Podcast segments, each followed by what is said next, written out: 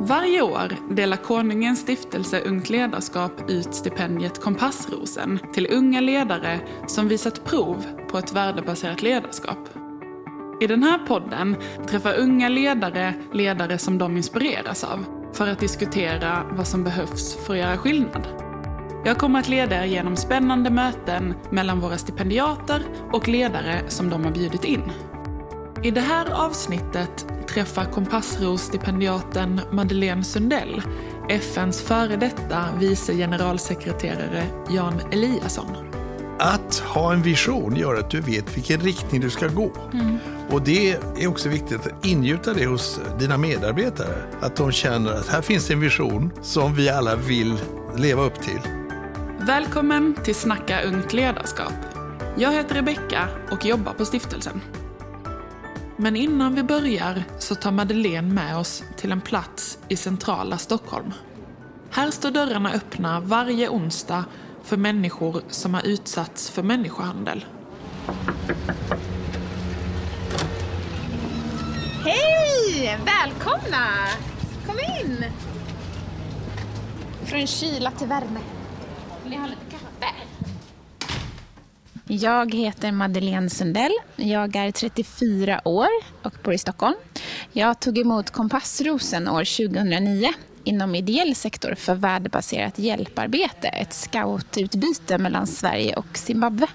Jag arbetar som nationell samordnare mot människohandel på Frälsningsarmén i Sverige. Är utbildad jurist. Och nu är vi på en av våra lokala verksamheter mitt i centrala Stockholm. Ett trafficking center som vi kallar för Safe Havens. Dörren är öppen på onsdagar för människor som har utsatts eller befinner sig i gråzonen för människohandel. Vi är inne på vårt andra år. Så hit kommer det advokater som är specialiserade på brottmål och asylrätt. Vi har jurist och socionomstudenter. Och hit kommer ideella organisationer, myndigheter tillsammans med en utsatt person eller så vänder man sig själv hit om man befinner sig i farozon för utsatthet i Sverige. Många som befinner sig i Sverige idag vågar inte ta kontakt med myndigheter, vågar inte göra en anmälan till polis eller vet inte att man har utsatts för brott. Så det här ska vara en plats för att få information om sina rättigheter och möjligheten att faktiskt få vara trygg i Sverige.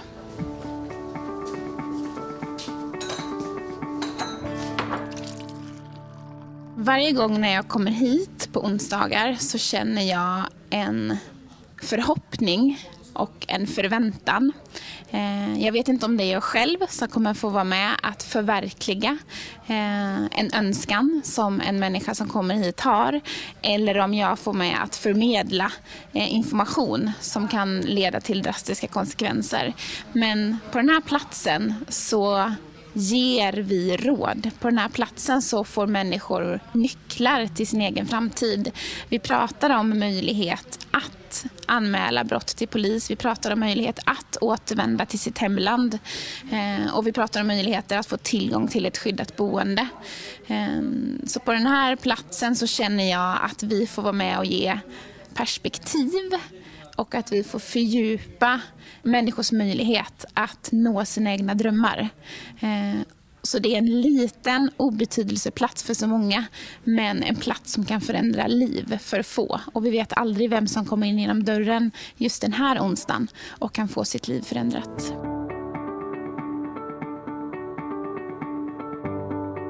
Jag har vuxit upp i trygghet men tidigt reste jag utomlands och fick se fattigdom på andra sidan Östersjön, i Baltikum och i södra Afrika.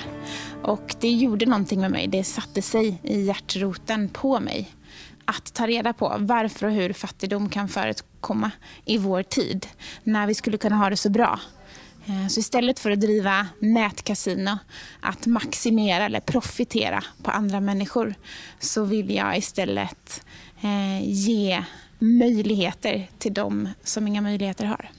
Jag har ett rättspatos inbyggt i mig och eh, människor kan beskriva mig som modig, mycket skinn på näsan och kompetent. Men det jag tror att jag främst har, det är ett hjärta och en stor empati. Eh, och jag försöker tänka att människan som står framför mig hade kunnat vara jag själv, min syster, min bror eller mina barn. Eh, jag vill bli berörd som om det vore mina närmsta när jag möter en utsatt människa. Jag kommer att träffa Jan Eliasson som har varit verksam som före detta vice generalsekreterare för FN.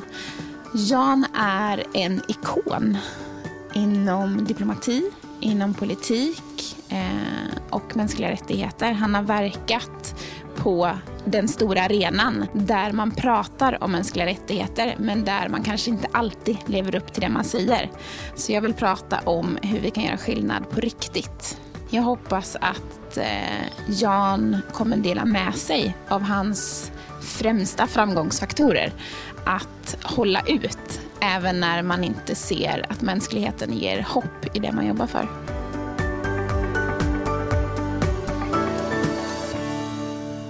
Då hälsar jag välkomna till podden Snacka ungt ledarskap. Där vi idag är med Kompassros-stipendiat Madeleine Sundell och Jan Eliasson, före detta vice generalsekreterare för FN. Välkomna hit! Tack så mycket. Tack så jättemycket. Jätteroligt att få samtala med er kring de här frågorna. Vi kommer att prata om mänskliga rättigheter. Vad är det? Vad betyder det? Och också vårt personliga ledarskap. Men om vi börjar med mänskliga rättigheter. Var kommer de ifrån och vad innebär mänskliga rättigheter? De tillkom efter den eh, kanske mest eh, grymma, eh, förfärliga perioden i mänsklighetens historia. Nämligen mellan 1930 och 45 med krig och med Gulag i Sovjetunionen och Förintelsen. Ja, man kan bara räkna upp allt mörkt och dystert som hände då. Och då fanns det en längtan efter att starta något nytt. 1945 i San Francisco hade man förhandlat FN-stadgan. Och eh, sen kom mänskliga rättighetsdeklarationen eh, 48. Och det viktiga med den deklarationen är att den är universell, att den gäller alla länder i alla lägen. Och att de också inte bara innehåller politiska och civila rättigheter utan också ekonomiska, sociala och kulturella. Mänskliga rättigheter är en gemensam plattform för hela världen och där FN står som avsändare med FNs Förenta Nationer. Det är en måttstock för det mänskliga värdet, var vi sätter gränser eh, kring vad en människa är, vad mänskligt liv är, vad utveckling är och var någonstans man har rättigheter och skyldigheter mot varandra. För att gå rätt väg i att bygga upp ett samhälle så måste man ha väl fungerande institutioner. Mm. Uh, institutioner är på sätt, sätt och vis ryggraden i samhällsbygget. Skulle mänskliga rättighetsarbete mm. bedrivas utan att man hade en fungerande institution? Hur skulle det gå? Man måste falla tillbaka Fred, utveckling, mänskliga rättigheter hör ihop. Och skulle det benet mm. försvagas, skulle vi försvaga hela fredsarbetet. Ja, men det är intressant det du säger med att man måste ha en ryggrad för mänskliga rättigheter. Ja. För det är det jag kan känna att eh, Eh, man pratar mycket, och även Sverige och svenska myndigheter så pratar man ofta i, liksom, i inledningen av alla politiska samtal om hur viktigt det är. Ja. Och vi har en väldigt hög svansföring när det gäller mänskliga rättigheter i Sverige. Men också att vi behöver ha en god utveckling. Alltså, mm. Vi kan inte anse oss vara klara bara för att vi har någonting svart på vitt. Och det påtalar ju verkligen den utvecklingen ja. du säger, både i FN men i varje land. Ja. Och speciellt tänker jag i flyktingkris och i människor som jag kommer i kontakt med som är utsatta för människohandel ja. och exploatering på flykt. Att man kan inte bara hän, hänskjuta tvister till någon annan. Nej, men du, du, du pekar ju på något fullständigt vitalt. Mänskliga rättighetsarbetet tar ju aldrig slut. Eh, även i vårt land mm. måste vi tänka på det i alla avseenden. Personer som är funktionsnedsatta, personer som sitter i fängelse, eh, barn som misshandlas och far illa. Och flyktingar som kommer till vårt land, eh, där ju ibland eh, den eh, behandlingen av dem, inte bara på individ, individplanet utan också från institutioner, leder till ganska stora svårigheter i tolkning och diskussion och en politisk debatt som blivit väldigt sårig. Mm. Men jag tror man måste, man måste ha, ha kvar fullständigt grundläggande principer. Och har man det som grundprinciper allt man gör praktiskt taget, att alla människor har ett lika värde, Då har du en slags trygghet i att sen ta ställning till konkreta frågor. Mm. Och när vi då pratar om den mängden av utmaningar som vi står inför och att arbetet med mänskliga rättigheter faktiskt aldrig tar slut. Vilket ledarskap tror ni behövs eller ser ni behövs för att lösa de här utmaningarna? Men jag tänker att det behövs ett väldigt handlingskraftigt ledarskap där man vågar sätta just andras behov framför sina egna. Och jag tänker att det är där mänskliga rättigheter har störst utmaningar, där vi också har störst utmaningar med, med förtryck eh, och korruption. Alltså där man använder makten för egen vinning. Så jag tänker att det är en kombination av eh, en rättsstat eh, med modiga människor som vågar säga nej eh, till ett system som, eh, som föregriper eh, egoism eller egen vinning. Eh, och till det så tror jag också att vi behöver en ung generation som vågar säga nej till ett ledarskap eh, som är ett låt-gå-ledarskap eller ett ledarskap som inte ser eh, människor i utsatthet, som inte ser majoriteten, som inte ser folket som lever. Eh, och där människor då inte får vara rättighetsbärare. Så handlingskraftigt ledarskap med en rättsstat, fast med individer som vågar tro och göra skillnad. Eh, för min del handlar det om att alltid i ledarskap eh, sätta upp ett mål. Att göra det tydligt för medarbetare. Men för att göra det hanterbart så är det väldigt bra ibland att dela upp målet i delmål. Mm. Dag Hammarskjöld har en fin, ett fint vägmärke i boken mm, Vägmärke. Jag läst den. Den är han, fantastisk. Han säger i framtiden är två ting. Det är visionen, eller han kallar det horisonten i varje fall den engelska översättningen. Men framtiden är också i varje steg du tar imorgon, övermorgon, nästa vecka, nästa månad. Mm. Visande att det är ett långt och hårt arbete också. Mm. Men att ha en vision gör att du vet vilken riktning du ska gå. Mm. Och det är också viktigt att ingjuta det hos uh, dina medarbetare. Att de känner att här finns en vision som vi alla vill leva upp till. Mm. Och den eh, når vi bara genom att ta steg för steg, mm. hårt arbete, men vi kan riktningen. Har vi inte visionen, då går vi ju zigzag fram och tillbaka. Mm. Men lever man bara i visionen, då glömmer man att det är hårt arbete också. Så att, eh, sen ska det vara lite känsla i det också. Jag blir mer och mer över åren tydlig på det. Att, mm. Som jag säger, man ska ha passion och medkänsla. Mm. Det blir bättre på engelska förresten. Mm. Without passion nothing happens. Mm. Without compassion the wrong things happen. Mm. Det måste vara vilja mm. och eh, ett engagemang som sprider sig hos medarbetare. Sen har jag varit sjöofficer en gång i tiden. Och eh, där fick jag en påminnelse om allas lika värde. Därför att när man är på ett fartyg som jag var, eh, en jagare som gick från Biscaya till Nordsjön och sen Östersjön i olika turer under vinterhalvåret. Att då komma i hamn efter stormar eh, i ett fartyg som är ganska smalt också. Man visste fasen om de skulle gå ner i bott i djupet eller inte. Den som man gick och tackade var inte kaptenen på bryggan inte, utan det var killarna i maskinrummet. Just det. Eh, det vill säga de som man absolut behöver. Så att, att se alla människor mm. och att acceptera i praktiken allas lika värde och visa grunden för allt, nämligen respekt och mänsklig värdighet. Det är en enorm styrka. Och när du väl har den situationen, då får du lojalitet tillbaka. Jag kräver lojalitet, men jag är också lika angelägen om att på säga att den som leder ska också visa lojalitet med sitt lag och visa att man litar på dem, även om det ibland kan gå fel. Så att, eh, det är några tycker, element för mig för ledarskap, ja, vare sig det är ungt eller gammalt. Jag tycker du säger något viktigt där som jag också försöker leva efter. Och Det är alltid att försöka ha ett öra mot marken mm. och ett öra mot maktens korridorer. Ja. Och Jag kan tänka att du och jag på något sätt eh, eh, representerar de olika. Jag tänker, när jag tänker på dig så tänker jag dig som en förebild för mänskliga rättigheter som alltid har vistats där omröstningar och makten och, och statsföreträdare finns. Och när jag tänker på mitt hittills yrkesverksamma liv har jag ofta vistats i civilsamhället och nära fältet. Mm. Men jag tänker att de erfarenheterna du har hade inte du kunnat haft om du inte heller hade ett öra Nej. nära marken. Nej. För det är då jag tror att man får förtroende. Och den lyhördhet som du påtalar tänker jag är någonting som aldrig får släppa en ledare som jobbar med mänskliga rättigheter. För att man kan inte bara prata dem i ord. Nej. Utan man måste hela tiden hämta exempel. Och mm. de exemplen får inte vara för gamla eller för dåtida, Nej. utan alltid nutida. Ja, men jag har inspirationspunkter från eh, min barndom fram till nyligen. Alltså, jag har ju växt upp i väldigt enkla förhållanden. Och, min moster dog i tuberkulos, eh, en svältsjukdom praktiskt taget på den tiden, i ett fruset torp, nedfruset torp i norra Halland. 19 år gammal dog hon på Varbergs sanatorium. Och jag vet ju hur mina eh, farföräldrar morföräldrar slet hårt. Alltså. Och, eh, så det, jag fick en drivkraft där som handlar om att förbättra villkor för människor och återigen påminna alltid om eh, allas lika värde. Och sen genom åren har det ju varit så att jag visserligen har varit rätt mycket i regeringssituation, eh, departement, UD, FN. Men jag skulle aldrig ha klarat mitt jobb om inte jag alltid åker ut i fältet. Jag har varit ute i fältet eh, i eh, flyktingläger och i, i krigszoner och eh, på ett paradoxalt sätt så får jag kraft och energi från det.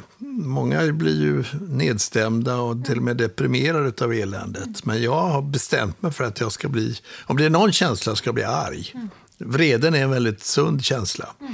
Eh, och det blir som en motor i mig. Jag behöver inte visa att jag är arg, det visar jag nästan aldrig. Det är diplomatiska polityren som fungerar.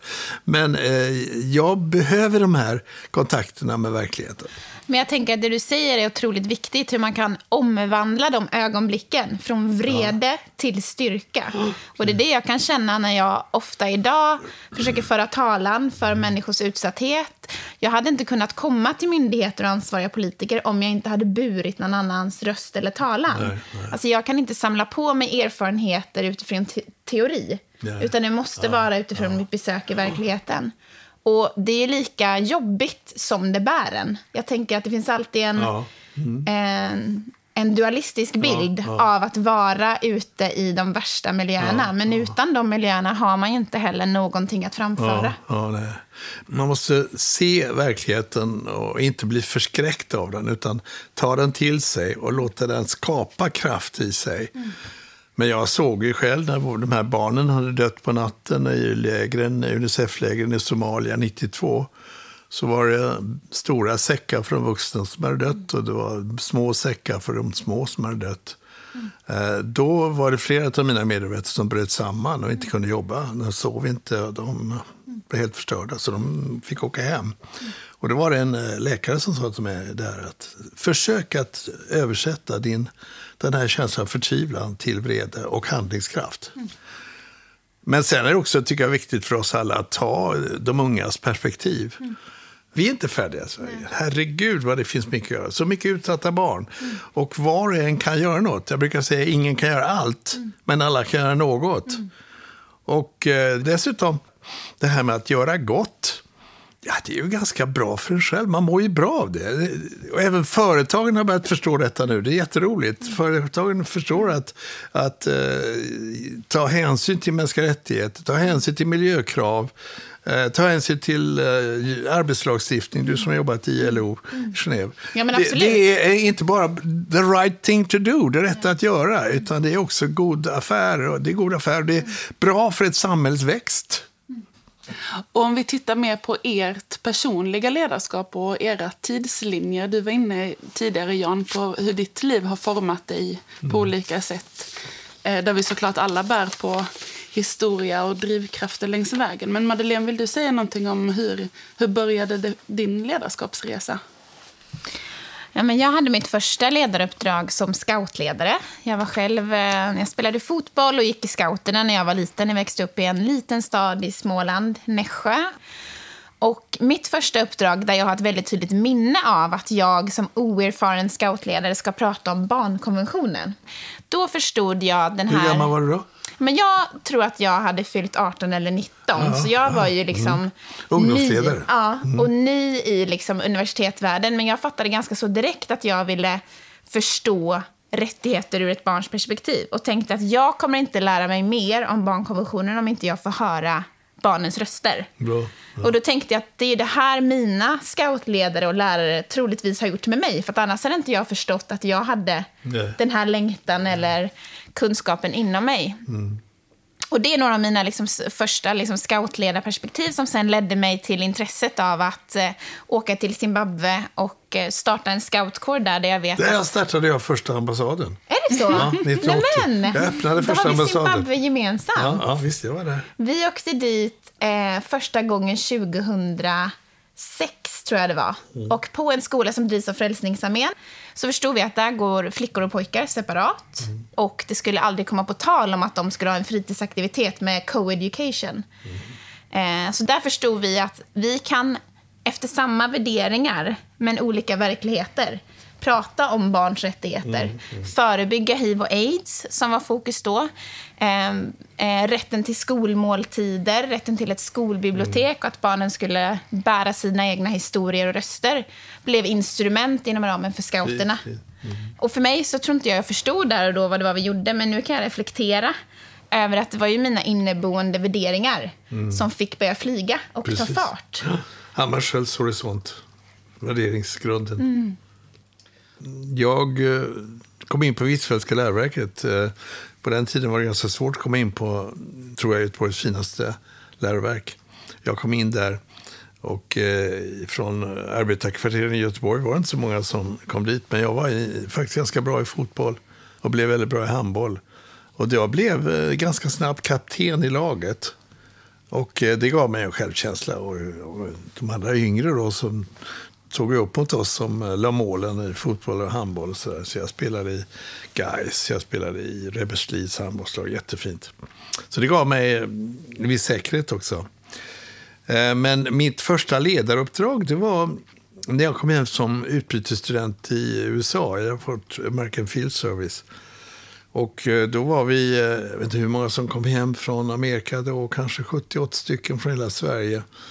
Och jag tyckte vi skulle liksom använda den här internationella erfarenheten. Jag hade träffat folk från 20-tal länder på både båten över till Amerika på den tiden och båten hem och sen på bussresa runt USA. Då, då hade jag bestämt mig för att jobba internationellt. Kanske till och med med FN redan då. Och då tänkte jag, ska vi spridas här över Sverige? Så jag organiserade AFS Västsverige.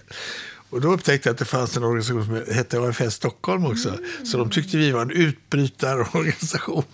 Så där var Det var tiden innan där- internet. Ja, innan man kunde googla det, det, det, det visade sig att det fanns, men det visade sig att de var ganska sovande, tyckte jag.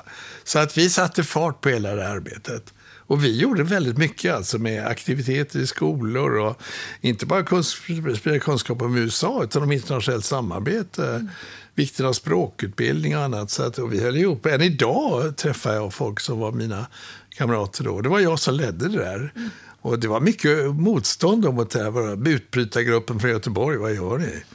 Men så det, var, det kändes roligt att pröva att göra något nytt, skapa någonting. Så det var mina första erfarenheter. Sen bara gick det som det gick. Och då fick du spin-off på, du fick mer smak i att det du gjorde betydde någonting. Ja, visst, visst. Både för dig och för din Ja, omvärld. Det är väl visst. det som jag tror är Ja. varför man fortsätter i ett ledaruppdrag, Mm. är väl för att man förstår att det ger en så otroligt mycket tillbaka. Ja, men ni är ju båda verkligen förebilder för ett värdebaserat ledarskap. Att på något sätt hitta, ni har hittat er inre kärna i ert ledarskap och vet vad ni vill leda för och hur ni leder er själva. Men hur hittar man sina värderingar? För mig handlar det väldigt mycket om att jag tidigt fick eh, en omtanke och jag fick upp ögonen för vad det gör när man tillsammans med andra kan skapa skillnad. Och sen kanske det inte var förrän jag gick i gymnasiet och började studera juridik som jag förstod vilken plattform jag hade. Att det var juridiken som skulle bli mitt verktyg för att tala om mänskliga rättigheter. Men att jag tror att det finns olika plattformar beroende på vilka som är på din arena. Så jag tänker att det är kombinationen av människor man lever nära, vad man har inom sig och vilken verklighet man står i. Ja, det, det, det är bra. Det är precis de komponenterna det gäller. Uh, för mig är det eh, en drivkraft är faktiskt uh, den tacksamhet som jag känner över att jag uh, fått chansen att bli den första studenten i släkten någonsin. Jag har ju 300-400 års längtan bakom mig, både på pappas och mammas sida. De fick sju års skola respektive fyra års skola. Varannan dag tror jag det var på landet i norra Halland också. Och så fick jag då detta enorma privilegium. Och min bror också samma drivkraft. Och eh, så då känner jag att man måste leverera. Jag, jag känner att jag Jag har som plikt, men också en fin plikt, så en, en, ingen, ingen stor börda, att göra det som jag gör och inte släppa. Och sen har jag en fruktansvärd tävlingsinstinkt. Jag är oerhört obehaglig tennismotståndare och sådär. Och jag har en vinnarinstinkt som är eh, nästan extrem. Jag försöker dämpa den. Men det gör ju också att jag inte ger upp faktiskt. Mm. Livet är upp och ner. Det är backar, det är uh, stora uppförsbackar, det är jobbigt och ibland är det Sisyfos-stenen som trillar på dig när du går, går upp där. Men man blir faktiskt starkare i uppförsbacke. Och det är en del av livet. Motgången är ofta någonting som du kommer igenom och då har en styrka i dig.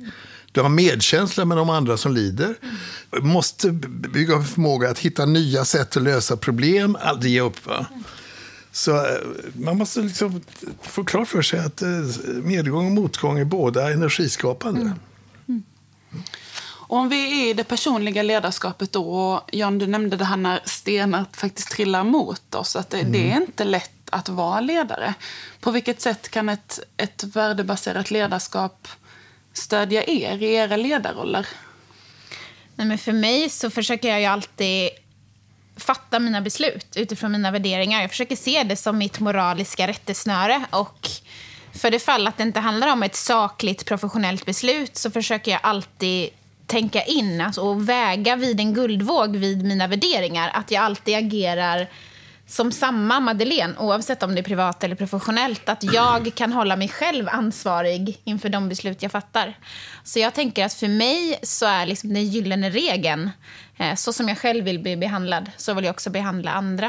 Eh, det vill jag ska vägleda mig och det vill jag att jag alltid ska kunna falla tillbaka på. Så mina värderingar försöker jag ta till mig av varje dag i såväl små som stora beslut. Ja. Vad säger du? Nej, men det är samma för mig. Jag har mina riktmärken, jag har mina principer, min horisont och dit vill jag, det står jag för.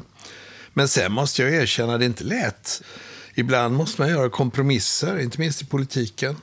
Uh, och du måste göra eftergifter på punkter ibland för att du ska gå vidare på en, ett spår som är viktigt för ja, internationella samarbetet. Mm. Om jag gör den kompromissen eh, tappar jag riktningen genom att ta det beslutet. Det. Och det har varit svårt några gånger. Mm. Det måste jag erkänna. Och vad har du gjort då? För då alltså, hur Nej, jag, förhandlar det, du med dig själv? men det, det, jag gör är att jag försöker vara totalt ärlig. Mm. Det är väldigt viktigt. Eh, I diplomatin tror man att diplomati är vara vag och undvikande. Och så där. För mm. mig är diplomati tydlighet. Mm. När jag står i en fritt dilemma så beskriver jag det dilemmat. Mm. Jag talar om att det här är väldigt svårt. Jag talar om eh, till och med min egen vånda mm. över att eh, tvingas ta det här beslutet. Jag har till och med funderat på, ska det här leda mig till avgång? Mm. Ska jag lämna mitt jobb för det här? Mm. Men vad gör jag då? Vilka uppoffringar? Mm. Jag menar, hur, hur, länge hur mycket minskar jag då mitt inflytande framöver som jag har? Nej, det är inte alls lätt i, i den värld vi lever i. Men diplomatins essens är för mig att åstadkomma saker genom det instrument som är det, det viktigaste för mig och för antagligen er också, nämligen ordet. Det skrivna och talade ordet. Vad har ni för tips till unga ledare idag som vill göra skillnad och leda för en bättre värld? Samla ord. Se vikten av tidpunkten för det du gör. Analysera när man ska göra någonting. Sätta in stöten. Ha kulturförståelse sätta in den andres situation. Och vara totalt ärlig och uppriktig, sanningsenlig. Skapa därigenom förtroende. Och så inse att du inte kan klara allting ensam. Tillsammans är det bästa ordet. Och sen göra det lite lustfyllt. Att vara ett team som har roligt ihop. Så lita på varandra och så gilla varandra. Klacksparken. Och jag skulle vilja säga att eh, våga stå på dig. Våga vara dig själv. Våga utforska dina egna värderingar. Eh, och låt, eh, låt dig själv få blomma ut. Utforska den världen du lever i. Och jag tänker att det är mötet med dig själv och mötet med livet eller de livsvillkor som det finns ibland där du kan göra skillnad. Och precis det som jag säger, att du vågar göra det tillsammans med människor. Eh, att inte tro att hela världen hänger på dig, men att du kan vara en avgörande röst eller avgörande länk just där och då, när det väl gäller. Mm. Och att inse att man vill vara eh, ett bidrag till en förändring och att man ser sig själv som en världsmedborgare. Att man är ansvarig för globala frågor men kan agera lokalt här och nu. Titta på värderingarna och mänskliga rättigheterna och tänka att du bidrar med någonting som just du också är bra på och har roligt kring. det här samtalet fighten. påminner mig om uh, Viktor också, att vi agerar uh, över generationsgränser. De har totalt försvunnit under det här samtalet. Men jag vill faktiskt också säga att uh, genom att jag nu är både pappa till tre barn och farfar och morfar till nio barn så har jag nu kommit i kontakt med mina barnbarns verklighet. Och det är alltid från en ettåring till en 20-åring. Mm. Och jag upptäckte den enorma kraft som finns hos unga. Mm. Det är inte bara Greta som över världen nu mm. går över som en, en väckelse nästan. De vet skillnaden mellan rätt och fel. De vet hur vi ska värna miljön. De tycker krig är fullständigt vansinnigt och förstår inte att folk kan leva tillsammans. Det nya synsättet vi ska ha det är att arbeta med unga. Vi har för bråttom för att vänta 20 år till de sitter i ansvarsfulla positioner. Vi måste ha in deras drömmar, aspirationer nu. Om miljö, om deras framtid. Och väcka deras ansvarskänsla för framtiden själva. Hur ska de annars engagera sig i demokratin om inte vi tar dem på allvar? Politiska partier till exempel ju, har ju väldigt, tyvärr låga förtroendesiffror. Vi måste ju bygga upp demokratin. Och då måste barn vara med i den demokratiska processen. Så det är en viktig sak för ungt ledarskap att ni ska känna att det här är en aktiv roll ni har. Det är inte någonting bara som man knappar på huvudet. Det ska väl vara duktiga så småningom. Det är nu. Att det bidrar till delaktighet. Ja, delaktighet. Precis. Och ansvarskänsla från början. Mm. Mm. Tusen tack för ett fantastiskt samtal. Fortsätt att vara modiga, omtänksamma och handlingskraftiga i ert ledarskap. Tack. Tack. Tack, tack så mycket. Du har lyssnat på Snacka ungt ledarskap. Podden producerades för Konungens stiftelse Ungt ledarskap av mediehuset Fanzingo.